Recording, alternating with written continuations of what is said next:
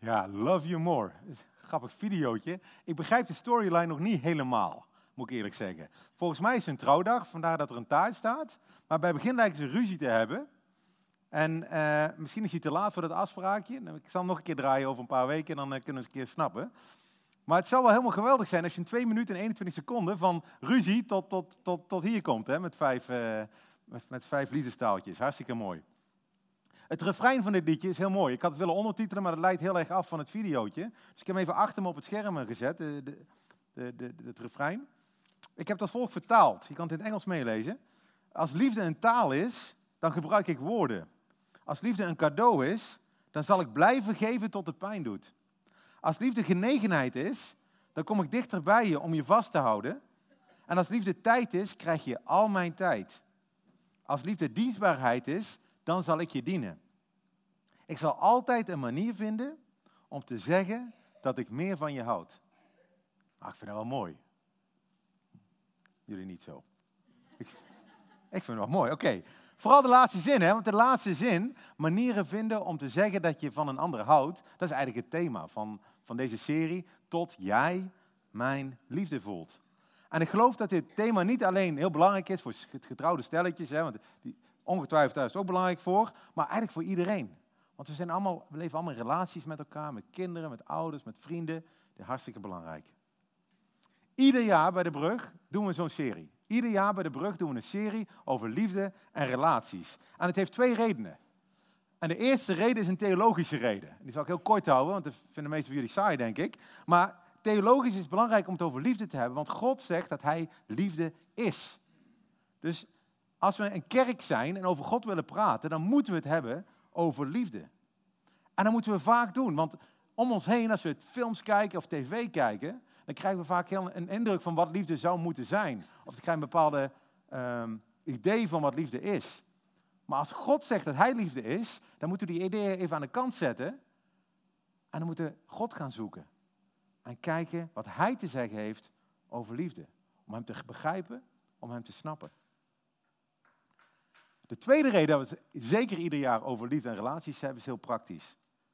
Iedereen op deze planeet, iedereen hier in deze zaal, is op zoek naar liefde. Daar verlangen we allemaal heel erg naar. Kinderen hebben liefde nodig, volwassenen hebben liefde nodig. Iedereen heeft liefde nodig. Maar niet iedereen ervaart liefde. En dat is een gemis. En daarom wil ik in deze serie kijken hoe wij anderen om ons heen meer liefde kunnen laten voelen. De serie heet niet, ik weet niet of je opgevallen is, de serie heet niet tot ik jouw liefde voel. Dat is ook een uh, interessant thema natuurlijk. Wat moet jij doen zodat ik liefde voel? Maar soms vergeten we dat, hè? Soms zijn we heel erg gefocust op onze eigen behoeften. Dat we de ander vergeten. Als de ander dat ook vergeet, als je alle twee in een relatie zit van hey, tot ik jouw liefde voel, dan zou je geen fijne relatie hebben. Dan zou je alle twee geen liefde ervaren. Ik hoor dat best vaak. Ik voel niks meer, zeggen mensen wel eens tegen mij. Maar de vraag is niet, wat voel jij? De vraag is, wat voelt de ander? En wat kan jij eraan doen, zodat de ander zich geliefd voelt? Je partner, je kinderen, je vrienden, hoe kunnen die meer liefde voelen? En daar gaan we naar kijken in deze serie. De komende maanden.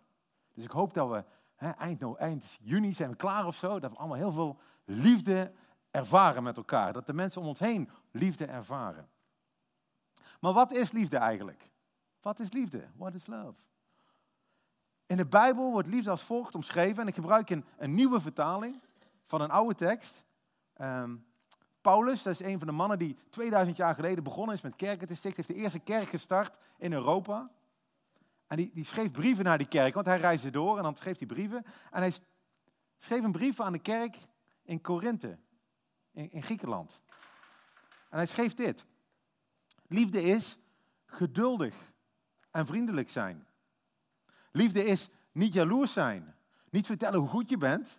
Jezelf niet belangrijker vinden dan de ander. Liefde is een ander niet beledigen. Niet alleen aan jezelf denken. Geen ruzie maken en geen wraak willen nemen. Liefde is blij worden van het goede en een hekel hebben aan het kwaad. Door de liefde vertraag je alles wat er met je gebeurt. Door de liefde blijf je geloven en vertrouwen. Door de liefde blijf je altijd volharden. Wat is liefde? Het belangrijkste wat ik uit deze tekst haal, is dat liefde niet zelfgericht is. Niet alleen aan jezelf denken staat hier. Misschien kan je het woordje alleen zelfs doorstrepen. Niet aan jezelf denken. Liefde is altijd gericht op die ander. Liefde is een keuze. Een keuze voor de ander. Heel anders dan een gevoel van verliefdheid. Hè? Wat heel veel over je, jezelf eigenlijk gaat. En het is heel lastig om aan die ander te denken. Omdat we van nature allemaal heel zelfgericht zijn. Toen ik, eh, toen ik vroeger woordjes moest leren op school, hè? vroeger, vroeger, toen leerden we boom, roos, vis, vuur, mus, pim. Wie, wie, wie, wie weet daar nog dat hij dat geleerd heeft? Ja, nog een paar. Hè? Zitten hier mensen erbij trouwens die, die, die, die van de generatie daarvoor zijn? Die, die aapnoot mies geleerd hebben? Ja, hè? In die tijd heten meisjes Jet. En in onze tijd heten kinderen nog Kees en Miep. Tegenwoordig in de, in de Juwendi en de, en de Malediven en de Shania-tijdperk. Weet je wat het eerste woord is dat mijn kinderen leren op school? Van vank? Wat is het eerste woord dat mijn kinderen leren? Ik. Ik. Dat zegt iets over de tijd waarin we leven. Hè? Mijn kinderen leren als eerste ik. Ik, ik, ik en de rest kan stikken, ja. Maar als ik naar ik kijk, dan gaat het niet zo goed met mijn relaties. Als ik continu met mezelf bezig ben, wat voel ik? Oh, ik voel niks meer. Oh, kan ik een ander vinden die mij wel iets laat voelen? Dan duurt het allemaal vrij kort. Verliefdheid duurt hè, gemiddeld twee jaar. Sommige mensen wat langer, sommige mensen wat korter. Maar als je, als je, daar, als je continu een gevoel van verliefdheid wil hebben, moet je dus ongeveer om de twee jaar uh, switchen. En ik denk niet dat je er uiteindelijk gelukkiger van wordt. Liefde is niet zelfgericht. En dat is heel makkelijk om te illustreren. Hè? Als, als man hè, heb ik al heel gauw de neiging om te denken... Goh, ik heb in het jaar 2000 heb ik tegen mijn vrouw gezegd dat ik van haar houd en dat ik bij haar zal blijven. Hè. Ik heb beloofd, ze hebben getrouwd. Waarom moet ik dat herhalen? Als er niks veranderd is, dan, dan is dat toch gewoon zo. Ik, ik, ik werk, iedere dag ziet ze me naar ASML gaan. Ik werk hard. Hè? Ze heeft een, eh, een dak boven haar hoofd, heeft eten op de tafel. Dat is toch meer dan voldoende. Maar de vraag is of zij dat zo ervaart. Ervaart zij al die dingen die ik vanzelfsprekend vind, die ik misschien wel zie als daden van liefde, ervaart zij die als liefde? Voelt zij mijn liefde als ik zo leef? Het gaat er natuurlijk dus niet om wat ik voel, of wat ik bedoel zelfs, want ik werk hard voor ASML voor het gezin. Hè. Ik hoop dat de kinderen ook allemaal lekker voelen. Maar de kernvraag is, wat ervaren de kinderen? Wat ervaart Nicole? Liefde is gericht op de ander. Dus hoe kan ik haar mijn liefde laten voelen? Gary Chapman, een, uh, een Amerikaanse schrijver, is ook een voorganger van een kerk. Die kwam erachter dat mensen op vijf verschillende manieren liefde ervaren. En hij noemde dat liefdestalen. En hij vergeleek dat met echte talen, echte talen. En ik was gisteren aan het voorbereiden, of eergisteren was het denk ik al, aan, aan, het preek. En uh, ik denk, ik ga eens iets proberen. Dus Nicole die staat daar de wassen te vouwen. En ik denk, ik denk, weet je wat, ik zeg iets. Ik zeg, wow, I me. En ze kijkt op en ze vouwt gewoon verder. Er gebeurde helemaal niks. Waarom niet? Waarom geen reactie? Omdat Nicole geen Chinees spreekt. Had het geholpen als ik nog duidelijker had gezegd, wow, I, me, als ik dat nog duidelijker had gezegd, had het geholpen? Denk ik niet. Als ik harder was gaan roepen, nog vaker door die kamer heen, I, me roepen, denk je dat dat geholpen zou hebben? Ik denk dat ze geïrriteerd met me zou raken. Dat ze heel vervelend naar me zou zijn. En kan je dat voorstellen? Dan probeer ik als man, ik hou van je te zeggen op zijn Chinees tegen mijn vrouw. En dan gaat ze geïrriteerd terug reageren. En dat is precies wat Gary Chapman over schreef. Dat mensen in verschillende talen hun boodschap van liefde over proberen te brengen. Maar dat die niet altijd aankomt. Goed bedoeld. Maar niet doorhebben dat de ander vaak een andere taal spreekt. En dat de ander niet jouw liefde voelt, omdat jij dus in een vreemde taal aan het praten bent. En hij heeft hier een boekje over geschreven. En het boekje heet De Vijf Talen van de Liefde. Het is het één na beste boekje wat ik ooit gelezen heb over relaties. Echt een aanrader. Wie kent dat boekje? Dat zijn allemaal mensen, gelukkig. Een boekje uit 1992. En dat klinkt heel oud, maar je zit in een kerk Wij lezen normaal boeken van 2000 jaar oud. Dus 25 jaar valt eigenlijk best wel mee. Kerry Chapman leeft ook nog. Wij lezen normaal boeken hier van mensen die al lang dood zijn. Deze meneer leeft nog. Ik heb zelf ooit een keer zijn hand geschud. Wat misschien meer over mijzelf zegt. Maar goed, meneer Chapman zegt dat we allemaal een, een liefdestank hebben. Een liefdestank. En zolang die tank gevuld is, is het heel makkelijk om liefde uit te delen aan anderen. En bij verliefde stelletjes zit die tank, die stroomt over. Die stroomt helemaal over. Zo uh, erg dat ze zelfs helemaal verblind zijn. Dan kan die ander doen en laten wat hij wil. En die tank blijft overstromen.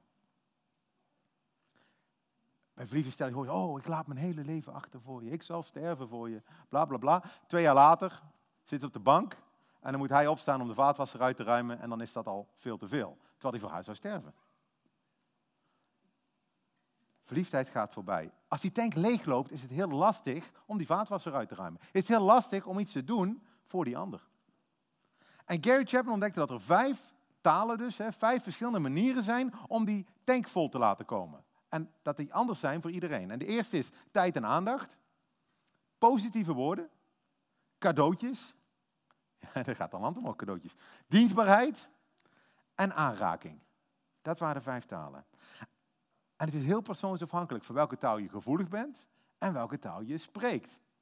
En de grap is dan meestal, wat ik zie bij stelletjes, als de een de ene taal belangrijk vindt, vindt de ander een andere taal belangrijk. Dat is de humor van God, denk ik vaak, om mensen bij elkaar te brengen. Anders is het een beetje saai. Als je alle twee dezelfde taal spreekt, dan ja, dat is, blijkbaar is het allemaal zo gemaakt. De kunst is dus in een relatie, en nogmaals, het gaat niet alleen over getrouwde relaties, het gaat ook over vriendschappen, om erachter te komen hoe die liefdestank van die andere volstroomt. Welke taal spreekt de ander? Want als je die taal leert spreken, want dat is meestal niet je eigen moedertaal, dan zal de andere liefde voelen. En andersom, als de ander niet zo gevoelig is voor die taal, dan kan je ermee stoppen. In de begintijd van ons huwelijk kwam ik iedere vrijdag, het eerste jaar van mijn huwelijk, ging ik naar de bloemist, haalde ik bloemetjes van Nicole. Ik denk, ik ben toch een geweldige kerel, hè? Dat ik in het eerste jaar van mijn huwelijk, iedere vrijdag, en die bloemist die keek op, die had niemand in heel Gelderop, die iedere vrijdag daar kwam. Ja, wel, wel vrouwen die het voor zichzelf kochten trouwens, zei maar niet een man die op vrijdag bij hem in de bloemist stond, die iedere vrijdag een bosje bloemen voor zijn vrouw haalde. Had hij niet. En ik denk, ik ben een geweldige kerel. En ik kom thuis en ik zegt, oh dankjewel. En ze zette ze in een hoekje. En ja, ze, zal, het was, was ze blij mee. Ze was er wel blij mee. Maar het was niet zo dat die liefdestank van haar boom overliep van... Het was een druppeltje. Misschien wel een paar druppeltjes, een beetje. Was wel blij mee. Ik denk als ik het nu opnieuw zou doen, dat het dat, dat misschien meer impact heeft na zoveel jaar uh, huwelijk. Maar het is belangrijk om erachter te komen wat de liefdestaal is van die ander. Want dan kan je dat tripje naar die bloemist kan je gewoon overslaan. Kan je dingen doen die nuttiger zijn. En om jullie daarbij te helpen, heb ik vandaag een liefdestest meegenomen. En die liefdestest ligt op alle tafels. Genoeg. Neem er één mee. Het is niet om nu in te vullen, want uh, ja, dan mis je de rest van de toespraak. Maar een test met 40 vragen kan je straks invullen. Dan kan je zien welke taal jij spreekt. En dat was nou juist niet de bedoeling. Je moet erachter komen wat de taal was van de ander. Dus straks bij de koffie, of straks bij de lunch, of, of waar je ook bent de komende weken, bespreek dit. Bespreek dit met je kinderen, bespreek dit met je vrienden. Neem er eentje mee voor thuis. Dit is je huiswerk. Je kan hem ook online doen hè, voor de digitale mensen. www.liefdestalen.nl kan je gewoon lekker online doen. Ik heb vijf kinderen. Het zou me niet verbazen als ze alle vijf een andere liefdestaal hebben. Dat betekent dat je goed moet nadenken over wat je doet. En het doel van deze serie is dus te ontcijferen wat de liefdestaal is van de ander. En die taal te leren spreken. En daardoor word je beter in liefde geven. Liefde geven aan je man, aan je vrouw, aan je kinderen, aan je ouders, aan je vrienden. En daarom gaan we iedere week, de komende vijf keer, één liefdestaal eruit lichten. Eentje. Bekijken, zodat je hem kan herkennen.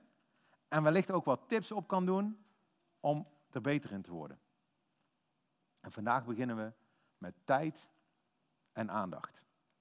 Wie denkt trouwens dat tijd en aandacht, zonder dat je de test nog gedaan hebt, hè, tijd en aandacht jouw nummer één liefdestaal is? Dat zou ongeveer een vijfde van de groep moeten zijn. Maar kijk eens om je heen, dus niet iedereen steekt zijn hand op. Hè? Dus voor de tijd en aandacht mensen misschien heel raar, maar dat andere mensen het niet zo hebben. Ik was gisteren naar, uh, naar Dunkin' Donuts gegaan met de kinderen. Het was een half uur wachten in die rij daar. Maar als je weet dat een van je kinderen heel erg van cadeautjes houdt, en van donuts, dan is dat best de moeite waard. Het is goed om over na te denken. Prioriteit. Prioriteit. Daar kom ik zo meteen op terug, op prioriteit. Zelfs als het niet onze primaire taal is, hè, liefde en aandacht. De meeste van ons kunnen wel liefde en aandacht gebruiken. Ook al staat die niet bovenaan het lijstje. Maar voor sommige mensen is het nog veel belangrijker dan anderen. Nou, ik heb, iedere week heb ik een stelletje, een Engels stelletje, Danny, Danny en Natalie, die heel kort in twee minuten iets over de taal gaan vertellen. En dan gaan we nu even op scherm bekijken.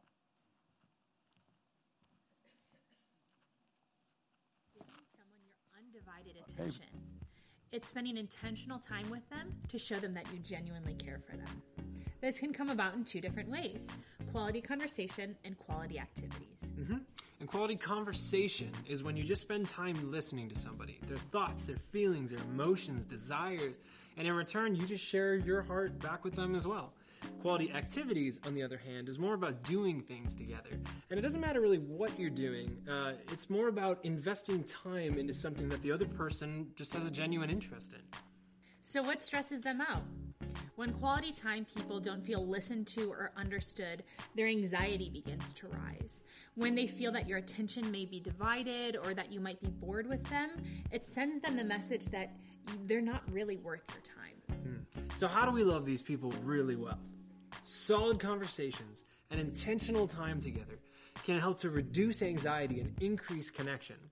Take the time to listen and understand someone so that they can feel truly known and cared for. When you begin to show that you have a genuine interest in somebody and spending time with them, you will begin to see their best traits come out in abundance. So, how do you think that went? Pretty good. Yeah? Tell me about it. Thoughts, feelings, Ooh. desires. Oh, do you have time? Quality time. scheelt mij weer een half uur praten. Heel goed. Twee belangrijke dingen hebben Danny en Natalie het over. Twee dingen om tijd en aandacht te geven. Ze hebben het over betekenisvolle gesprekken en over betekenisvolle activiteiten. En daar wil ik het even over hebben. Een paar weken geleden was ik op cursus. Moet ik af en toe. En het duurde drie dagen, die cursus. En er zaten twee overnachtingen bij. Ehm, en de eerste avond tijdens het diner kregen we een opdracht mee aan tafel om ons dieptepunt van ons leven. Nou nee, het levensveranderende moment noemden ze het, maar voor de meesten was het dieptepunt. Een levensveranderende moment in je leven te delen met vier collega's. Dus je zit met z'n vijf aan tafel, je hebt het een maaltijd. En de vraag was, wat is het meest betekenisvolle moment van jouw leven geweest? Kan je je voorstellen hoe dat gaat? Zo'n gesprek. Dat je in plaats van lekker eh, met je kippie en met PSV bezig bent aan tafel, dat je in één keer een gesprek hebt over het grootste ding wat je overkomen is in je leven. Het was geweldig. We hebben met z'n vijven, ik denk tot diep in de nacht, door zitten praten. En na afloop zei een van mijn collega's, ik heb eigenlijk nooit van dit soort gesprekken. Nooit. Ik zei met je vrienden niet, ik snap dat je niet met mij hebt of met je collega's, maar met, met je vrienden ook niet? Nee, zei hij. En ik stelde hem de vraag, ik zei, is jouw beeld van een kerk dat dat een plek is waar dit soort gesprekken wel plaatsvinden? Oh nee, zei hij. Natuurlijk niet. Maar het is zo gaaf, dat is zo'n enorme mogelijkheid om met elkaar te leren hoe we betekenisvolle gesprekken kunnen hebben. Niet alleen over koetjes en kalfjes, niet over politiek of sport, maar de dingen die er echt toe doen. En hoe doe je dat? Hoe heb je een echt gesprek? Ik heb een paar punten hier. Het eerste is, en dat is heel belangrijk, oogcontact. Oogcontact te maken en je aandacht erbij houden. Vooral voor vrouwen is oogcontact, je, komt misschien achter, vrouwen zitten vaak tegenover elkaar, terwijl mannen vaak naast elkaar zitten. Oogcontact is kei belangrijk. En aandacht. Weet je hoe lang mensen gemiddeld hun aandacht bij een gesprek kunnen hebben? Daar hebben ze onderzoek naar gedaan. Bij twee minuten, veel te veel. 17 seconden. Gemiddeld. 17 seconden. En dan heb je alweer een slim idee of een goede oplossing of een eigen verhaal of oh ja, ik weet nog. Of loopt iemand voorbij, ben je weer afgeleid. 17 seconden gemiddeld. En ik weet van mezelf dat ik aan de onderkant van het middel zit. Ik, ik, ik haal die 17 seconden, denk ik niet, in een goed gesprek. Binnen een paar tellen denk ik al, oh, ik weet waar dit over gaat. Oh ja, ik heb dit ook meegemaakt. Oh, dan komt de vogeltje voorbij, ben ik weer afgeleid. Daar moeten we iets aan doen. Daar moeten we bewust van zijn, allereerst, en dan kan je er iets aan doen. Waar word je door afgeleid? Waar word je door afgeleid in een gesprek? Waar word je door verstoord? Een van de dingen bij ons thuis is, is je mobiel. Oh, dat is zo'n vervelend ding. Aan tafel alle mobieltjes weg. Omdat je dan geen gesprek kan hebben. Geen tv aan. Als je s'avonds een leuk gesprek wil hebben met iemand. Geen Netflix. Zijn er momenten in je leven die je bewust hebt ingebouwd, waar betekenisvolle gesprekken mogelijk zijn? Of word je geleefd? Gaat je dag zomaar voorbij? En heb je die momenten gepland met je vrouw of man, met je kinderen, met je vrienden? Of staat je mobiel continu aan? Staat de tv continu aan? En ik snap dat het moeilijk is. Hè? Ik snap ontzettend goed dat het moeilijk is in de hectiek van het leven om hier momenten voor te, te prikken. Kinderen kan je niet uitzetten. Die storen soms. Dus daar zou je een oplossing voor moeten bedenken. Ga een stukje wandelen zonder de kinderen. Doe slot op de deur. Dat is ook handig als we straks bij de laatste liefdestaal komen. En als je dan zover bent, neem de tijd. Zoek dat oogcontact. Aandacht erbij. Geen afleidingen. En dan? Wat zegt de ander dan? Wat bedoelt hij? Wat voelt hij? Wat ervaart hij? Dan moet je het leren doorvragen. Soms alleen maar een vraag stellen. Niet meteen, zeker de mannen, niet meteen met een oplossing komen. Je hoeft ook niet met je eigen mening te komen. Je hoeft ook niet met je eigen verhaal te komen. Luisteren. In de pre-marriage cursus, dat is een cursus die geven aan stellen die gaan trouwen, dan doen we een oefening. En die oefening heet spiegelen. Een van die avonden gaat over communicatie. En dan moeten ze leren praten met elkaar. Dan moeten ze iets delen. En dan moet de een iets zeggen. En de ander moet herhalen wat die andere gezegd heeft. Dat is een heel awkward uh, oefeningetje is dat. Uh, dus de een zegt, uh, ik voel me niet fijn. En dan zeg oh, dus als ik goed begrijp, voel jij je niet fijn. En dan zeg ik dan, ja, dan gaat zo dat gesprek verder. En het is heel onnatuurlijk, voelt dat. En totaal overdreven zeggen al die stelletjes, maar het is wel een enorm goede manier om stil te staan en te leren begrijpen wat die ander zegt. Na 18 jaar huwelijk denk ik heel vaak dat ik al weet wat Nicole gaat zeggen voordat ze het gezegd heeft. Ik ben een soort profeet hè, thuis, dan weet je wat er gaat gebeuren in de toekomst. Ik vul het in. Maar dat is vaak de oorzaak van de meningsverschillen die we hebben. Omdat ik het invul voor haar en met een oplossing kom, al heel gauw, terwijl zij gewoon iets wil delen. Of iets anders wil zeggen dan dat ik dacht dat ze wilde delen. Actief betekenisvolle gesprekken. En gebruik zo'n tool als spiegelen, dat de ander echt weet dat je luistert en dat je hoort wat ze zeggen. De tweede waar ze het over hadden, dat stel Danny en Nathalie, waren betekenisvolle activiteiten. Wat kan je samen doen? Wanneer maak je bewust tijd om dingen samen te doen? Met mijn vrouw heb ik date night. Probeer hem één keer in de week. Met de kinderen daddy dates. Niet meer zo vaak de laatste tijd, zeiden ze. Momenten dat we één op één iets doen. Eén op één. En het hoeft helemaal niet groot te zijn. Als ik op zaterdag naar de markt ga, neem ik één kind mee. Als ik naar de bouwmarkt ga, neem ik ook een kind mee. Dan kan je onderweg gesprekken hebben. Dan heb je tijd samen, kan je het over dingen hebben. Maar voor mijn kinderen die tijd en aandacht als eerste liefdestaal hebben, bovenaan de lijstje, zal ik daar nog bewuster mee om moeten gaan. Zal ik op zoek moeten gaan naar nog meer activiteiten die zij ook als betekenisvol ervaren. Want het belangrijkste is, en dat zei je net ook al, is dat de ander weet dat tijd besteden prioriteit heeft in mijn leven. Dat het belangrijker is dan de brug, dat het belangrijker is dan ASML, dat het belangrijker is dan alle dingen in de wereld. Dan ervaren zij liefde. Wat ook belangrijk is, is dat je iets gaat doen wat de een echt leuk vindt en wat de ander niet erg vindt. Ik heb één keer ben ik met Hanna ben ik naar een Apeldoorn naar een klimbos geweest. En dat was geweldig. Ik denk, oh, we hebben een leuke tijd samen, alleen ik heb hoogtevrees.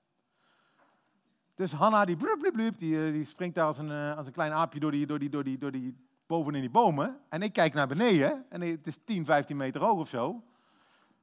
Ik ben veel meer bezig geweest met mijn eigen angst. En, uh, en vooral op het einde moest ik ergens vanaf springen van 10 meter hoog. Ja, dat, dat doe ik niet. Uh, daar ben ik veel meer met mezelf bezig geweest.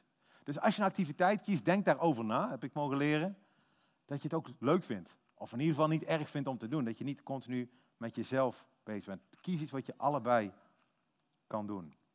En kijk goed, hè, ik heb naar de kinderen van de week de liefdestalen laten invullen. Het doel van deze serie is ook, kijk de komende weken wat er gesproken wordt bij jou thuis. de mensen waar je mee omgaat. En kijk wat, je, wat voor keuzes je daar kan maken. Dus ik wil deze serie aan jullie vragen. Ga op onderzoek uit.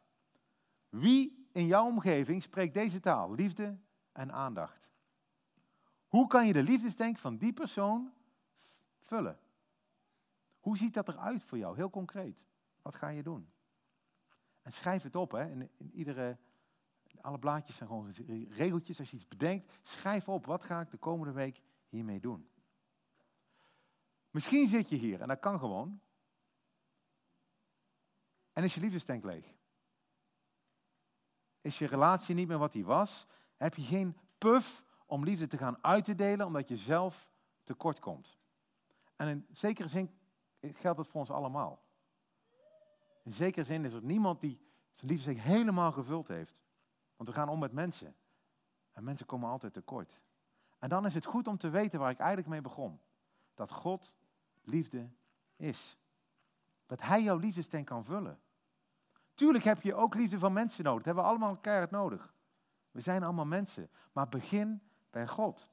God spreekt alle liefdestalen. Als je straks de test invult en je komt erachter wat jouw liefdestalen zijn, God spreekt die ook. En mijn ervaring is dat deze taal, waar we het vandaag over hebben, tijd en aandacht, enorm goed werkt om terug te geven aan God. Zeker als je je leeg voelt. Tijd en aandacht met God besteden. Hij kan jouw liefdestank vullen. Pak de komende weken, iedere dag vijf minuten. Maak het niet te groot.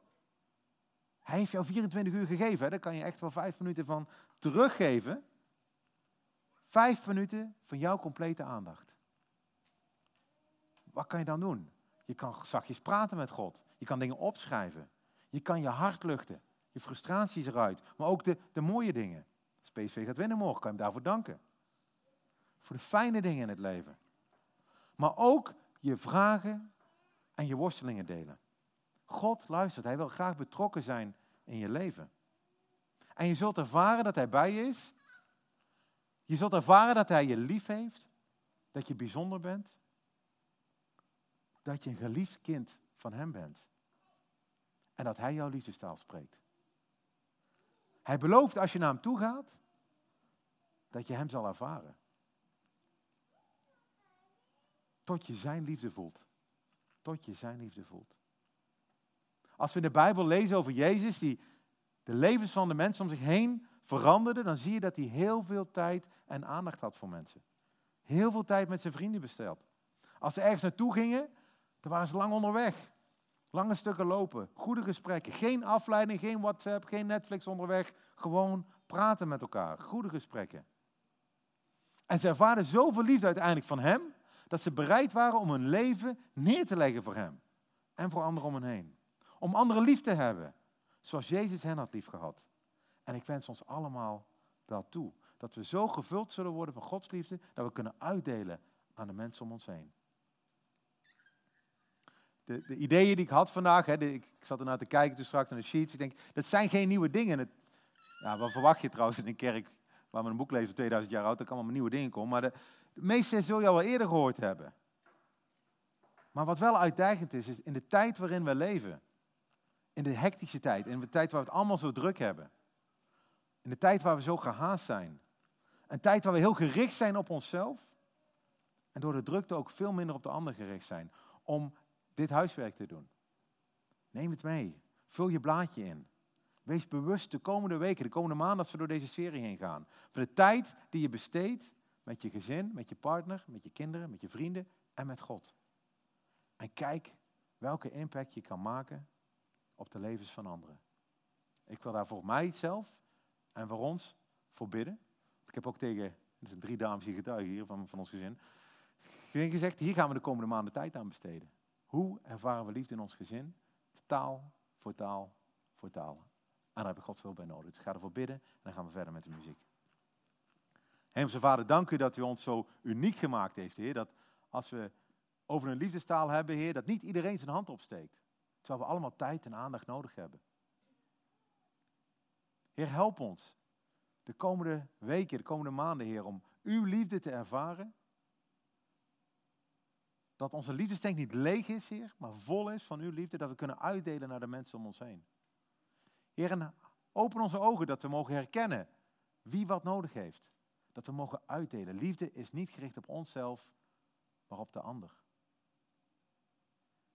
Heer, help ons daar heel praktisch bij. Om daar invulling aan te geven. En dank u, Heer, dat u het voorbeeld gegeven heeft in uw zoon Jezus. Die hier rondgelopen heeft op aarde. Mensen lief heeft gehad. Mensen ontmoet heeft. Tijd en aandacht besteed heeft aan mensen. Heer, mogen ook van hem leren. Amen.